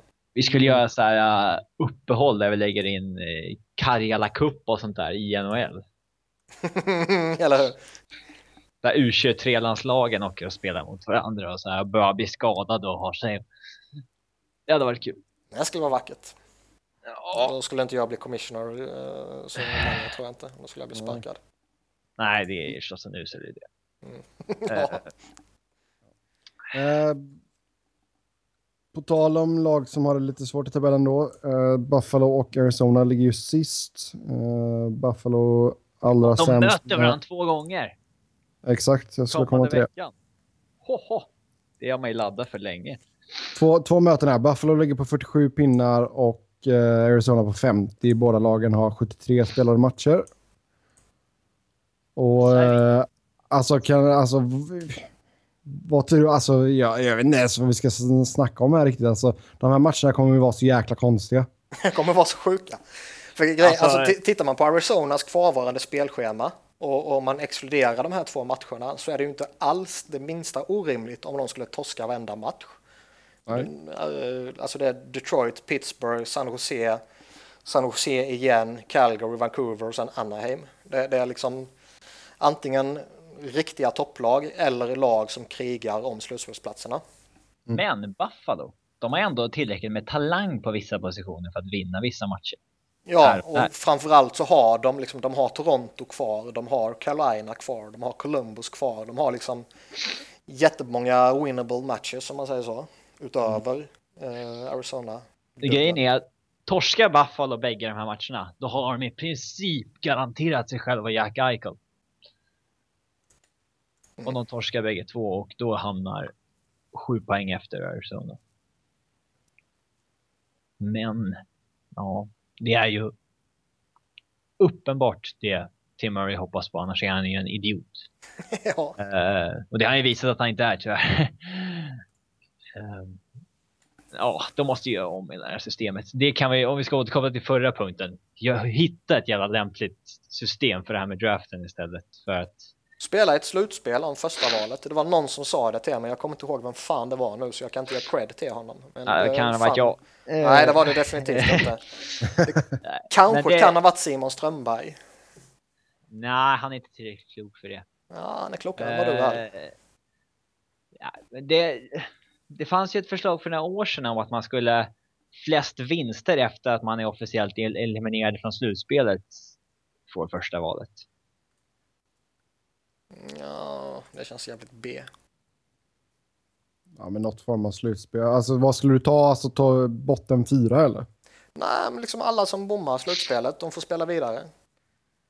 Uh, sen inte kanske sju matcher och så vidare. B-slutspel som det hette i innebandy när man var mm. Ja, eller hur? Loser bracket. Ja, liksom då, då ja, det, det är en kittlande idé faktiskt som, som har etsat sig fast i min skalle. Ja, men ja, de måste, ja, det vet inte fan det hade funkat. Men det här med att sämst ska bli belönad, det är ett system jag inte gillar. Nej, verkligen inte. Och det, folk säger liksom så här, men annars kan det bli lag som är begravda i botten jättelänge. Så här, men det är fan deras eget fel om de är så jävla dåliga. Mm. Du kan ju fan, du kan du ju, kan ju bygga bra något coach. bra genom att drafta. Du, du kan ju göra det till ett mittenlag genom att bara anställa en bra coach och sätta rätt free agency signingar och liksom alltså det behöver inte vara toksist år efter år och bara skylla på att ah, vi får inte drafta ettan någon gång igen. Nej. Det, det är uselt. Eh, alltså Lotta eh, antingen blankt av alla som missar slutspel bara. 5% var chans eller något. Mm. Alltså jag kan ju gilla upplägget om att du skulle spela för det. Men som du säger här Niklas, då får du köra bäst av typ tre eller någonting. Ska, ja, ska spelarna sånt. verkligen brinna för det där då? Ja, det får de väl göra. Det skulle ju inte... skulle det bli så seriöst? Jag vet inte, men det skulle definitivt vara mer seriöst än det här upplägget. Mm. Sen det är svårt också, alltså, för jag tror inte att spelarna går in med mentaliteten att nu, nu alltså när Phoenix och, eller Arizona, förlåt, Arizona och Buffalo går in och möter varandra här nu två gånger om, att de går in och bara nu ska vi torska. Det tror jag faktiskt inte. Men däremot så tror jag... Nej, nej, nej. Däremot, de spelar väl för däremot, sin heder och för att vinna liksom. Däremot kan ja. ju en GM beordra en coach att uh, hörru du, du ska nog inte spela den här målvakten idag eller nej, du ska exakt. inte spela den här centern så hårt idag eller du kanske inte ska matcha på det där sättet liksom. Det berättade ju Doug Wilson. Ja, ja. Han, eller Doug Wilson, Ron Wilson, när han ja, var ja, eh, eh, Torontos förra coach. Mm. Och de spårade väl tillbaka till George McPhee och eh, Chris Beach-draften. Tydligen. Mm. Och det var en spelare som inte blev någonting. Så det 99 när de tankade 37 valet och tog Chris Beach. Mm, bra gjort. Uh, nej men alltså det, för, det blir ju jäkligt konstiga matcher här. Alltså det, men grejen är att det, det kommer bli så fascinerande så det är nästan värt att titta på. Ja, ja, absolut. Det är klart det är det. Men alltså det, det är bara så absurt. Och sen har du liksom båda fanskarorna sitter och vill att ens lag ska förlora. Ja, det, det är en sån jätte... Alltså jag känner ju likadant själv nu ju. För det är alltså... Ja, det, är, för... det är idioti att tänka annorlunda. Ja, det är ju det, men det är ju så liksom så jävla fel att sitta och vilja att ditt lag ska torska matcherna. Mm. jag vill jag ju att Philadelphia ska torska alla sina kvarvarande åtta matcher förutom de två mot Pittsburgh, för där måste man ju vinna såklart. Men i övrigt vill jag att man ska torska rakt av så man får så bra möjlighet som möjligt i, i draften liksom.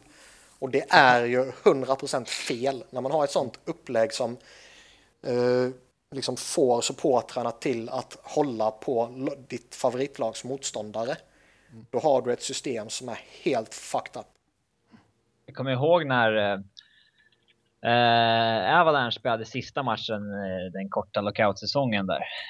Eh, hade de, när de torskade den så kom de näst sist garantera sig själv eh, tredje valet då. Mm. Och då var det ju the big three med McKinnon, Drew och Jones. Så då garanterar man sig en av dem om man torskar den matchen.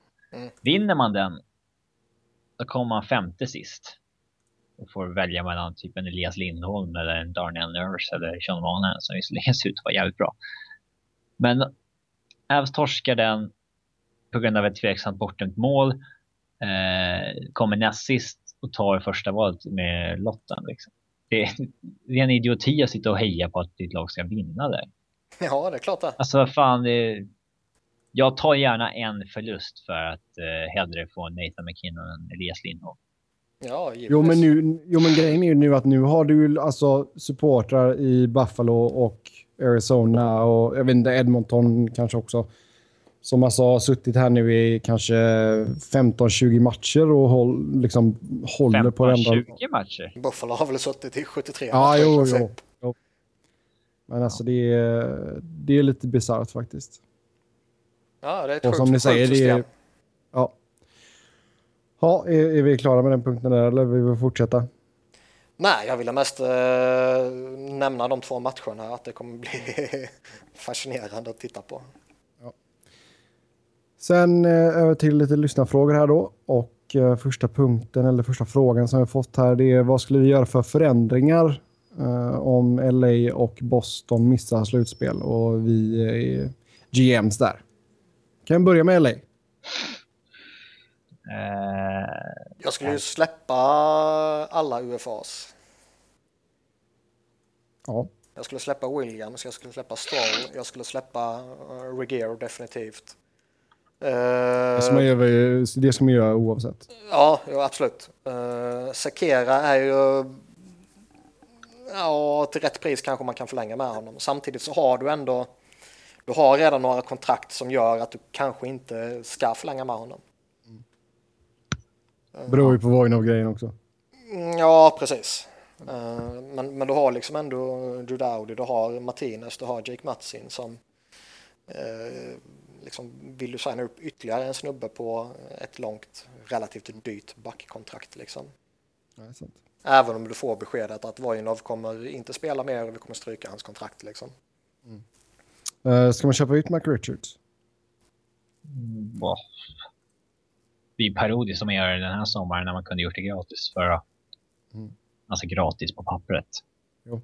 Uh, eller inte på pappret, eller på, på Capgeek i alla fall. Mm. Uh, jag vet inte. Det...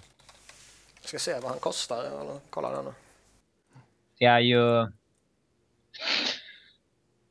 Alltså ska man bara tänka liksom utan hjärta är det ju bättre att försöka trada en Dustin Brown än att köpa ut en Mike Richards tror jag.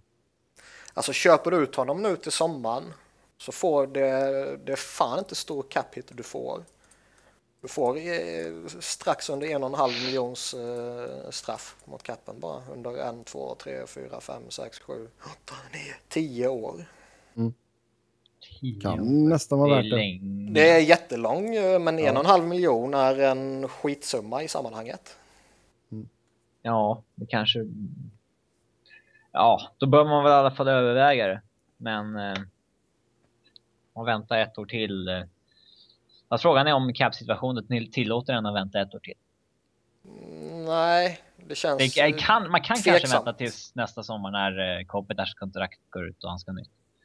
Ja, men det är liksom ändå, du ska ändå förlänga med Toffoli och Pearson nu och uh, förlänger man med Martin Jones så har jag svårt att se att han signar för minimumlön liksom.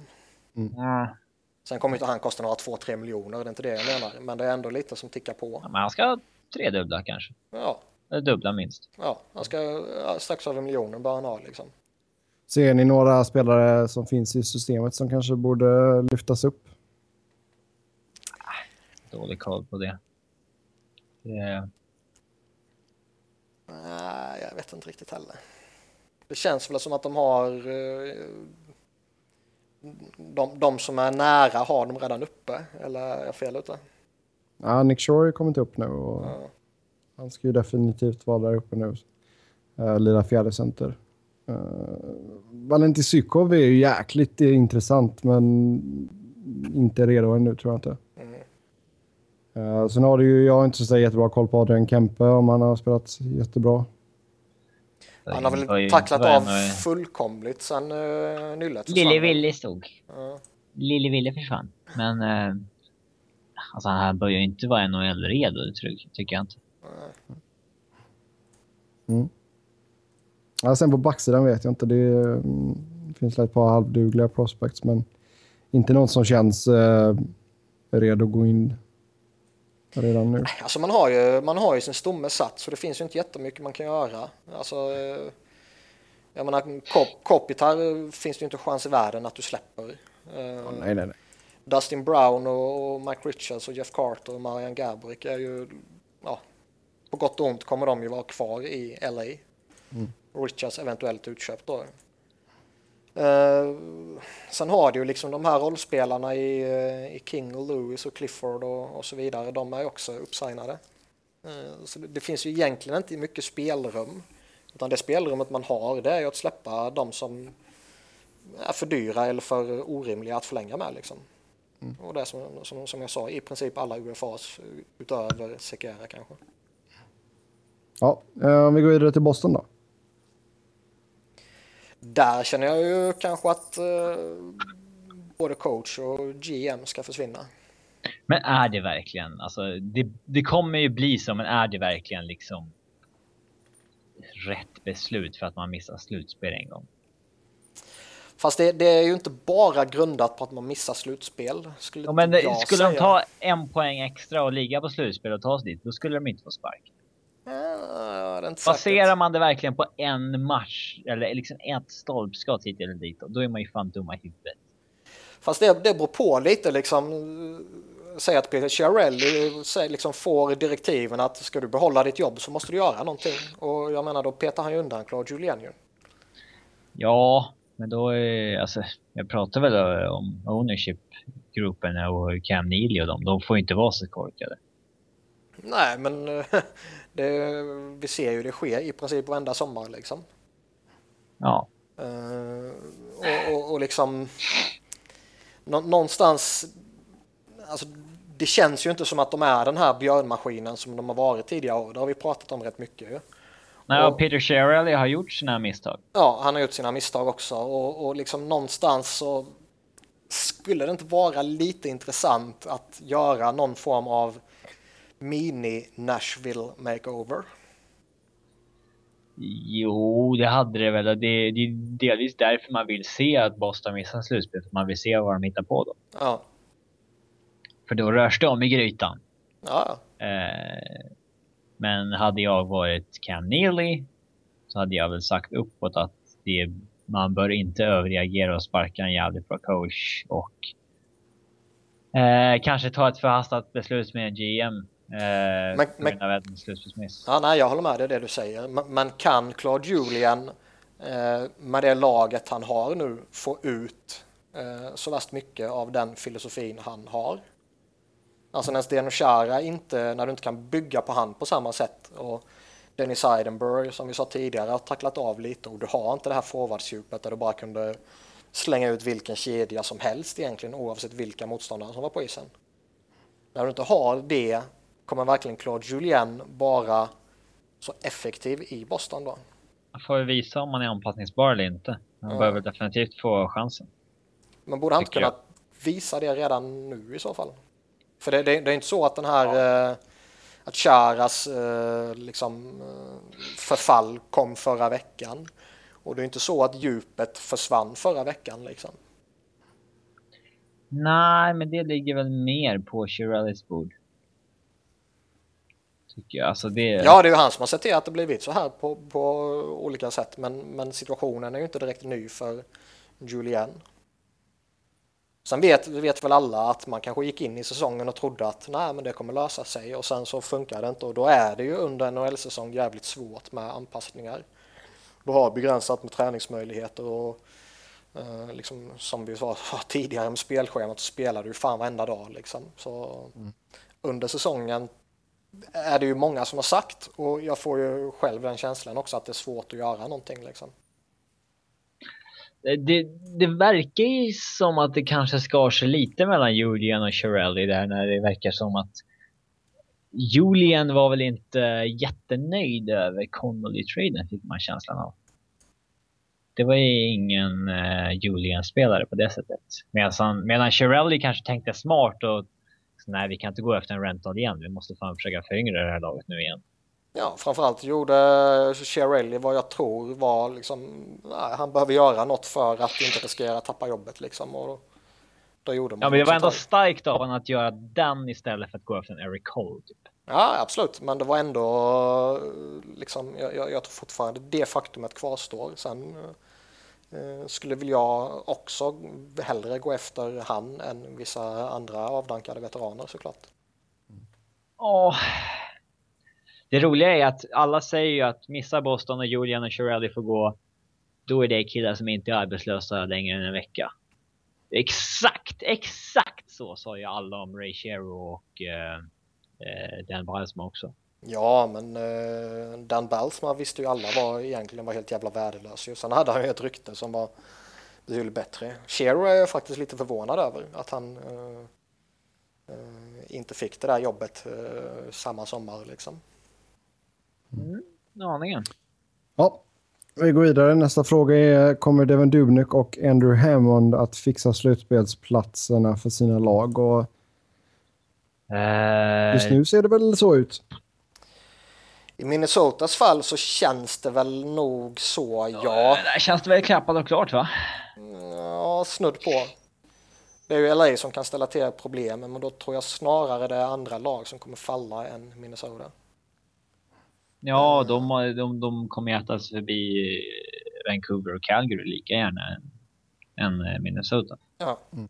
Alltså det är ju... Däremot Ottawa är ju, alltså vi, vi var inne på det lite tidigare och, och, jag är ju helt övertygad om att det bara är en tidsfråga innan Hammond uh, blir mänsklig. Ja, det har man ju sett lite, man har ju sett lite uh, människotecken på honom. Ja, absolut. Frågan är bara om det sker om två matcher eller om det sker om tio matcher eller om det sker om 15-20 matcher in i slutspelet liksom. Mm. För fortsätter han spela så jävla galet som han har spelat så ja då kan han, han ju definitivt ta sitt lag till slutspelet ju. Skulle han kollapsa så tror jag mycket väl att hela Ottawa kan kollapsa. ska han verkligen... Ska en kille som låg på typ 60 plats i AHLs målvaktsliga som är 27 år gammal gå in och... Ska han ta en 10 matcher till och liksom ta 25 vinster? Det är ju... Det är ju jätteosannolikt. Ja. och det är därför jag tror att förfallet, ja, det måste komma förr eller senare. Kommer komma. tidigare än senare så att säga. Det, det, det, känns ju jättelogiskt på alla sätt och vis. Ja, det måste ske när som helst. Ja, men sen samtidigt har han lyckats gå, vad är det, 15 matcher nu, så varför ska han inte kunna gå 25 matcher? Uh, ja. Mm, ja, vi får se. I Devin Dubnyks fall, han har ju matchats extremt hårt sedan han kom till Minnesota. Uh, finns det någon risk att man liksom uh, bränner ut honom här innan slutspelet börjar? Ja, jag tror man kommer vara klar för slutspel med en, två, tre matcher kvar. Då kan uh, ja, vila honom. Mm. Ja, jag är väl lite inne på samma grej. Han spelade ju, han hade ju en rätt, eh, han spelade inte jättemycket under de första två, tre månaderna väl har jag för mig. Nej, de körde de ju på Smith. Ja, exakt. Så han har inte spelat så här hela säsongen. Då skulle det varit en annan femma ju. Mm. Mm. Han har inte Corey Schneider-matchning i benen. Mm. Ja. Mm, har vi något annat vi vill säga om slutspelskampen? Det blir spännande nu både i öst och väst i alla fall. Vi har väl behandlat en del av de mest intressanta. Jag har vi snackat Ottawa och Boston och det är då där det står mellan känns det som. Mm. Att det fortfarande är status quo mellan Kings och Calgary är lite intressant. Mm. Att det liksom är exakt det läget det var för tio matcher sedan. Mm. Att det, det... det, man kan säga i Western är väl att eh, San Jose definitivt ja. känns körda nu. Ja. Ja, de ligger sämre till än Avs. Ja. Så Visserligen det... ligger de bättre till i och med att de kan köta sig in i Pacific. Men uh, uh, de är ändå körda. Ja. Mm. Och vad fan händer där i sommar då? Det blir intressant. Mm. Uh, om, vi, om vi säger att det är de här lagen som ligger på slutspelsplats just nu som tar sig till slutspel. Ja, då blir vi väldigt glada. Vilket lag ser ni som eh, kanske underskattas av de andra och eh, kan vara en liten dark horse? Uh, Winnipeg säger... kanske. Som känns som att de de är stabila på något sätt som uh, som jag inte tror att någon förväntar sig att de ska vara. Ja, men kan de rubba en eh, ett blues eller sådär en första runda? Ja, det är frågan. Det vet jag inte. Uh, Anaheim. Men uh, ja, Anaheim ser jag väl inga problem med. Ja, Anaheim har delat bevis som slutspelslag. Uh. Annars känns det lite som att Calgary tror jag inte kommer hota i slutspelet liksom. Nej, det kommer och... bli som i fjol. Ja. Och liksom Vancouver och Minnesota tror jag ändå är så pass eh, de har så pass framträdande namn i sin stomme att lagen inte kommer ta lätt på dem. Mm. Alltså med Sedinarna och Parisi och Suder och så vidare och Miller när han kommer tillbaka liksom. Oh. Tittar man i öst så känns det väl lite som att eh, alla lagen där är liksom möjligtvis åtta va? men alla är ju så jävla tokfokuserade på vad som har hänt där så de skulle väl inte bli underdogs på det sättet liksom. Mm. Ja, vi får se vad som händer som sagt. Jag tror inte att det kommer vara de här lagen som tar sig till slutspel, men uh, vi får se. Mm. Sen nästa fråga vi fick in här är vilka playoff, playoff matchups vill vi se? Alltså vilka lag vill vi se gå in i uh, ja, första rundan får vi börja med såklart. Uh... St. Louis, Chicago. Mm. Den var skoj. Uh, samtidigt så vill man väl i grund och botten att båda två ska gå långt. Uh, det är alltid sexigare att de tunga lagen möts i konferensfinal istället för i första rundan. Liksom. Eh, men den, den är ju annars jävligt saftig liksom. Mm. Eh, Rangers Dags. mot Islanders känns ju jävligt spännande också. Ja, dags mot Kings kan ju vara skön första runda också. Eh, jag vet inte. Vad fan är det för läte? Det var ett jävligt tveksamt läte till Sebbes... Eh, men det finns det verkligen den rivaliteten där? Ja, det gör det. Jag upplever inte den. Alltså jag skulle vilja säga att det är väl större rivalitet mellan Sharks och Kings. Eh, men absolut att det finns eh, rivalitet alltså mellan spelarna mellan Anaheim och Kings. All NHL-rivalitet är lite på låtsas. Ja, och lite så, men det finns ju mer eller mindre låtsas. Ja. Eh, sen känns det väl lite sådär liksom Pittsburgh Washington är ju alltid lite lockande med tanke på det kommer ju alltid målas upp som Crosby mot Ovechkin och den duellen är ju fortfarande intressant även om den är uttjatad. Washington hoppas jag skulle eh, kunna skrälla. Mm. De kör över ett Rangers i en första runda eller något. Det hade varit häftigt. Annars Ja. känns det liksom, tittar man på de där eh, liksom Tampa Bay eller Montreal så känns det de två känns det väl inte som det finns några riktiga sådana här supersaftiga eh, motståndare för så att säga. Just nu skulle Det det bli Tampa alltså- Detroit. Det är lite häftigt. Jo, men det är ju bara på kontoret den duellen finns det fan. Torsduellen. Eh, Ja, men det är The Master mot mästaren mot lärlingen. Liksom. Jo, det är klart den skulle vara intressant, men det är, alltså, det är inget som skulle märkas på isen liksom. Om inte Iceman gör comeback. Nej men alltså det är väl om Boston skulle ta sig förbi Ottawa och du får Montreal, Boston liksom. Då blir det ju hyperintressant. Den är ju alltid rolig ju. Eh, annars så tittar man längre fram så vill man ju ha Montreal Kings i Stanley Cup-final så att Kings får ta revansch där för eh, 93. Ja, Kings behöver ju verkligen Det ta kommer revansch för en Stanley Cup-förlust för fan. Ja, Spelarna kommer vara toktända på det också. toktaggade. Revanschen för 93. Ja, exakt. Alla de var Kings-fans när de växte upp och kollade på det där. Gretzky går in och tar ett byte. Eh, Nästa eh, fråga här då. Eh, vilka är det största asen i ligan? Eh, det som spelar fulast, fightas i fel tillfällen och eh, som mer eller mindre stjälper sina lag eh, istället för att hjälpa dem. Zach Rinaldo-punkten. Ja, Ja, Zach Rinaldo-punkten. en av Zach Ronaldo-punkterna idag. Ja, Eh, han är ju definitivt aktuell där ju.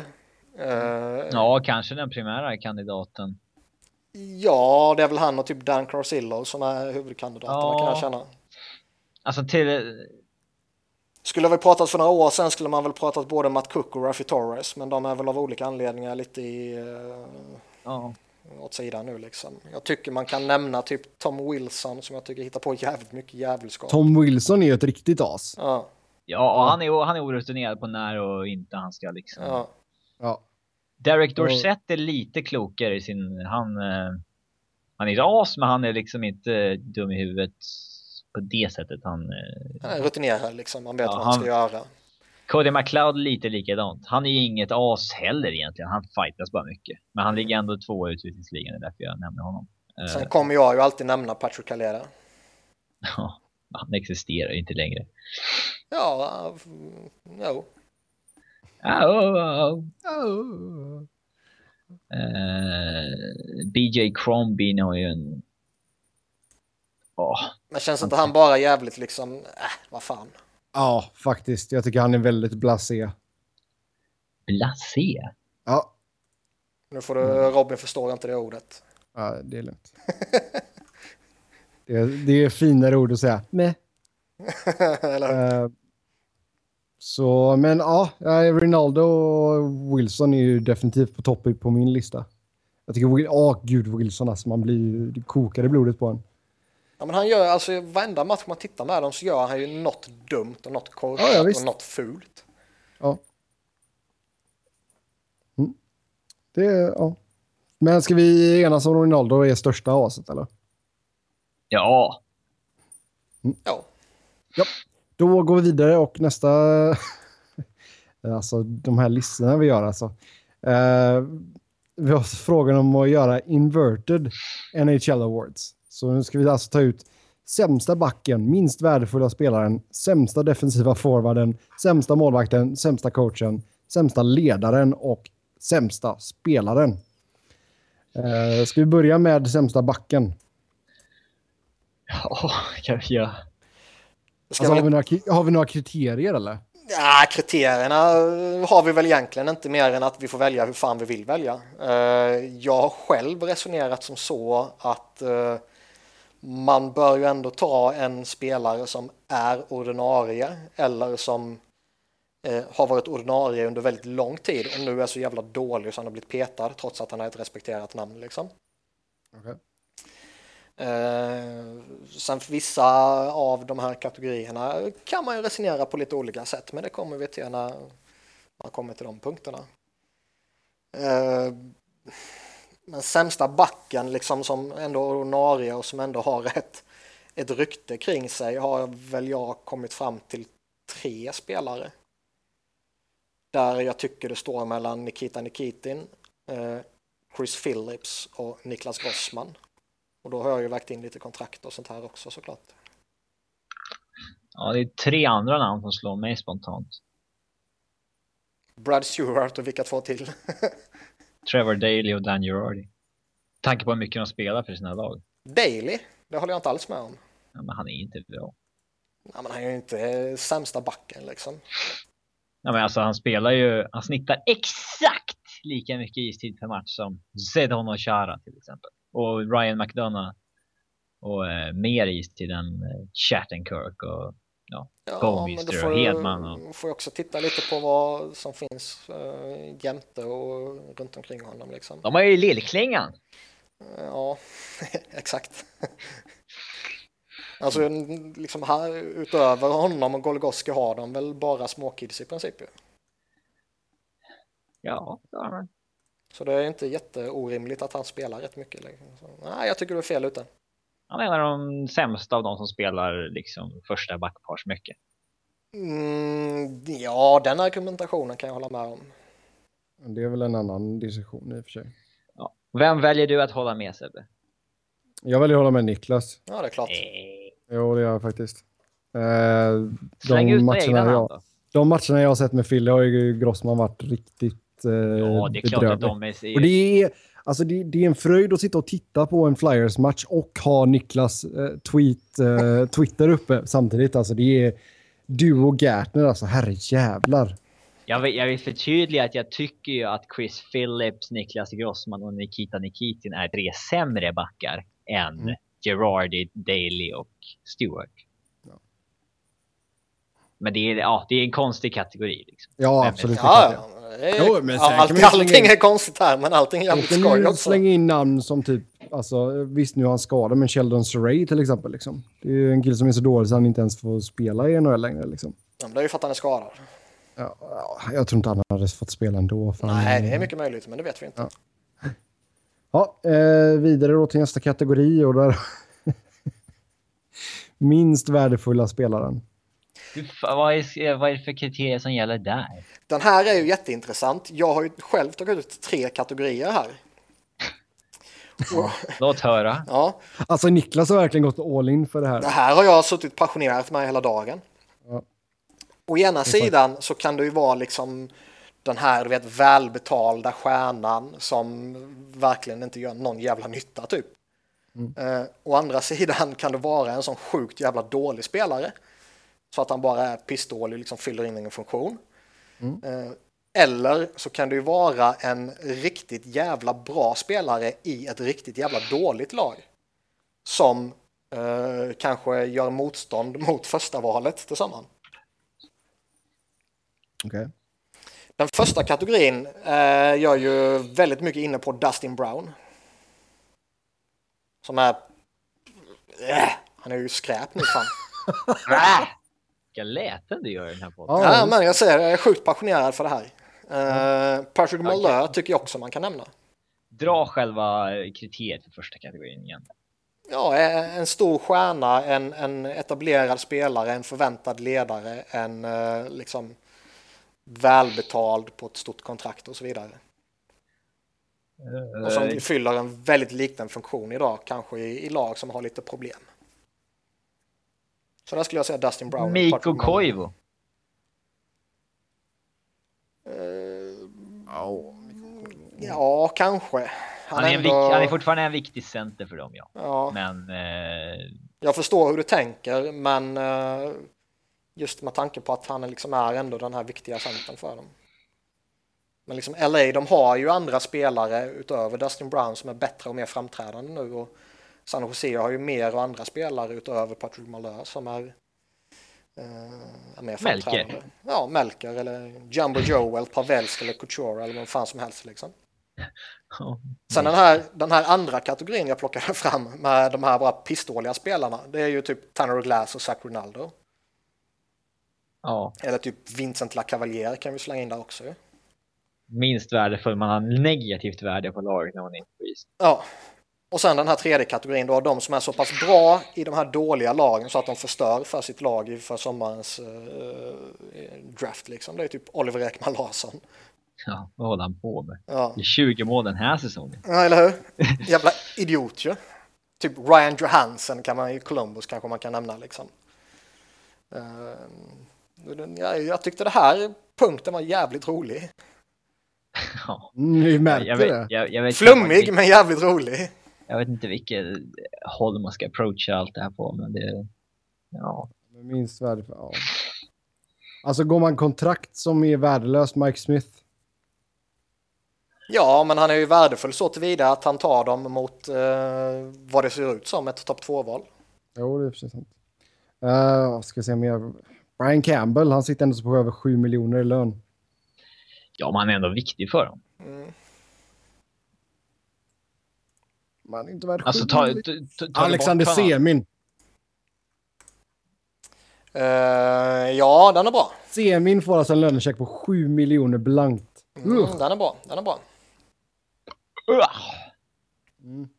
Mycket läten här idag. Um, ska vi gå vidare? Ja, det kan vi göra. Vi ger det Semin och Brown för delad första plats här. Ja. Sämsta defensiva forwarden. Så ska man bara ta någon som alltså, ska vara en defensiv forward, men som inte är bra på det. den Eller ska man ta... Ja, exakt. riktade forwarden i Jag tog Vincent eller Cavalier. typ av Homer Picks hela skiten det här. Ja, men vad fan, han är ju välförtjänt av det. För att han Eh, är Var- sämst var- defensivt av alla forwards, eller vadå? Ja, ja, han fyller inte någon jävla funktion, han är en jävla säkerhetsrisk liksom. Eh, han kan inte spela defensivt och det har han egentligen väldigt sällan kunnat tidigare heller, men tidigare gjorde han ju poäng för att kompensera för det. Eller kanske så till så att han var så pass skicklig så att hans kedja inte var i egen zon utan de var i offensiv zon. Det gör han ju inte längre. Så nu är det ju kaos när han är på i sin egen zon, oavsett vilka fan han spelar med. De topp fem forwardsen i NHL som har flest Fenwick event emot sig relativt till sina lagkamrater när de är inne på isen. Det är JVR, Jim Slater, Neil Yakupov, Jerome Ginla och Tanner Glass. Ja, men då ger vi det här till Jerome McGinley tycker jag. Ja, sure. Han är sämst defensivt. Japp. Jak Jakobov. Han, han får fortfarande flest defensiva byten i Ginla. Mm, han är Fan, eh, det kan vi kanske vi komma till när vi ska komma till Jack Adams. Mm. Men innan vi kommer till eh, sämsta coachen då, våran inverted Jack Adams, så ska vi ta ut sämsta målvakten. Det är väl typ Mike Smith eller Anders Lindbäck. Ja, Lindbäck har ju studsat upp rejält. Men det ska ändå Ja. vara en riktig första Det ska vara någon med bra lön. Det ska vara en första målvakt. Ja, exakt. Det, Ja. det, det ska vara Mike Smith. Han har förtjänat den här ja, titeln. Mm, han har ju spelat bättre nu de senaste matcherna, men sett över hela säsongen. Vad ska vi, så- alltså Vetsina Trophy, vad, vad, vad ska vi döpa den här till? Ja du, Sämst, eh, ja. Tommy? Salo Trophy. Nej, nu är du dum. Nej, Oh. Shots fired. Eh, jag vet inte. Rick DiPietro Trophy. Det kör vi på. Mike Smith får Rick DiPietro Trophy. de andra då? Selke Trophy då. Ja, men skitsamma. Ja. Sämsta coachen. Ja, sämsta coachen. Uh, ja. Jag vet ju att Niklas kommer säga Ber- Berube. Kanske. Ja, det känns ju ganska givet. Jag, jag är väl nästan redo att hålla med dig där. Det är så mycket skit. Uh, alltså hur mycket skit kan man slänga alltså, på vissa coacher ändå där lagen underpresterar? Det vet jag inte. Uh, Nu när Carlisle är borta i Toronto så tycker jag nästan det bara är Roa och Ruby som verkligen så här sticker ut med enormt konstiga och dåliga beslut. Liksom på, alltså på liksom så här, Alltså dagisbarn hade gjort bättre beslut. Liksom. Ja, faktiskt. Eh, alltså, de här riktiga, alltså Arizona har ändå Dave Tippett liksom. Ja, och de har ändå en roster där liksom, de kan inte göra någonting även om de skulle ha Ja. liksom, supercoach. Och Mm. samma sak med Buffalo liksom. Eh, men jag tycker väl också att uh, Berube och Roa är de liksom, huvud... eh, vad säger man? Huvudalternativen liksom. huvudkandidaterna. Ja. Ja, visst. Vi kör på det. De kan få stå på varsin sida av plexit och putta det fram och tillbaka för att se vem som vinner. Och de får väl då uh, Don Cherry Trophy. Ja. Sen har vi eh, sämsta ledaren då. Det, det ju, går ju i vanliga fall då till bästa ledaren, Mark Messier Leadership Award.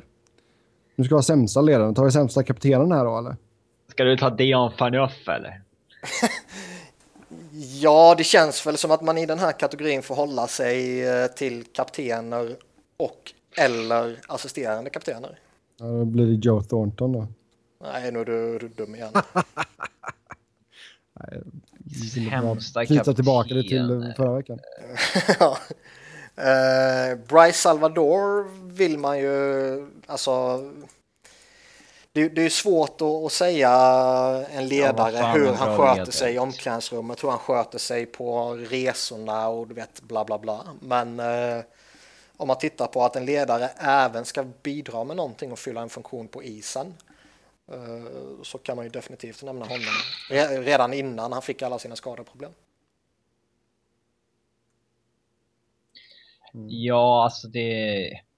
Jag tycker att det är jäkligt svårt att snacka bra och dåliga ledare. Eh, eh, är man inte i omklädningsrummet så tycker jag faktiskt inte man ska ha särskilt stark åsikt om vad som är en bra eh, ledare och inte vad det gäller lagkaptener.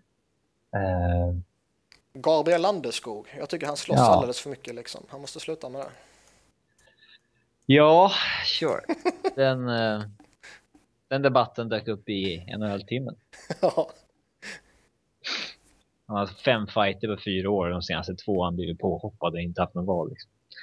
Det, där, den, den, den diskussionen tyckte jag var lite obefogad. ja, det är lite därför jag säger den. Eh, Den är svår den här, eh, men jag lutar väl åt Salvador eller Landeskog.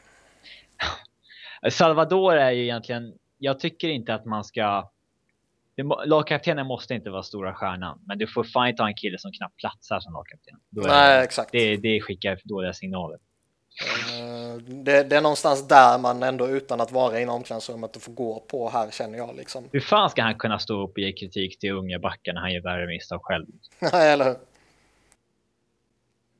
Ja. Annars titt- tittar man på ligans kaptener så är det ju, står ju han ut jättetydligt. Som den sämsta spelaren ja. Ja, exakt. Sen Ja. kanske han är jättebra ledare och jättebra på att ta hand om alla unga, jag har ingen aning. Men om man som sagt inkluderar det här att man även ska fylla en stor funktion på isen, vilken jag tycker är en viktig del av kaptensrollen, så är ju han given ju. Och eh, sist men inte minst då sämsta spelaren. Tanner Glass.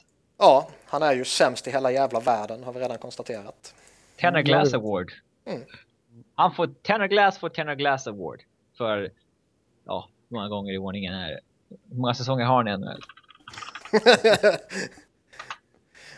Fast det var ju, han var ju typ i, vad var det, Atlanta, Winnipeg där runt omkring. Då var han ju ändå, ja, då kunde han flänga runt och tacklas liksom. Nu eh, gör han ju ingenting. Ja, visst.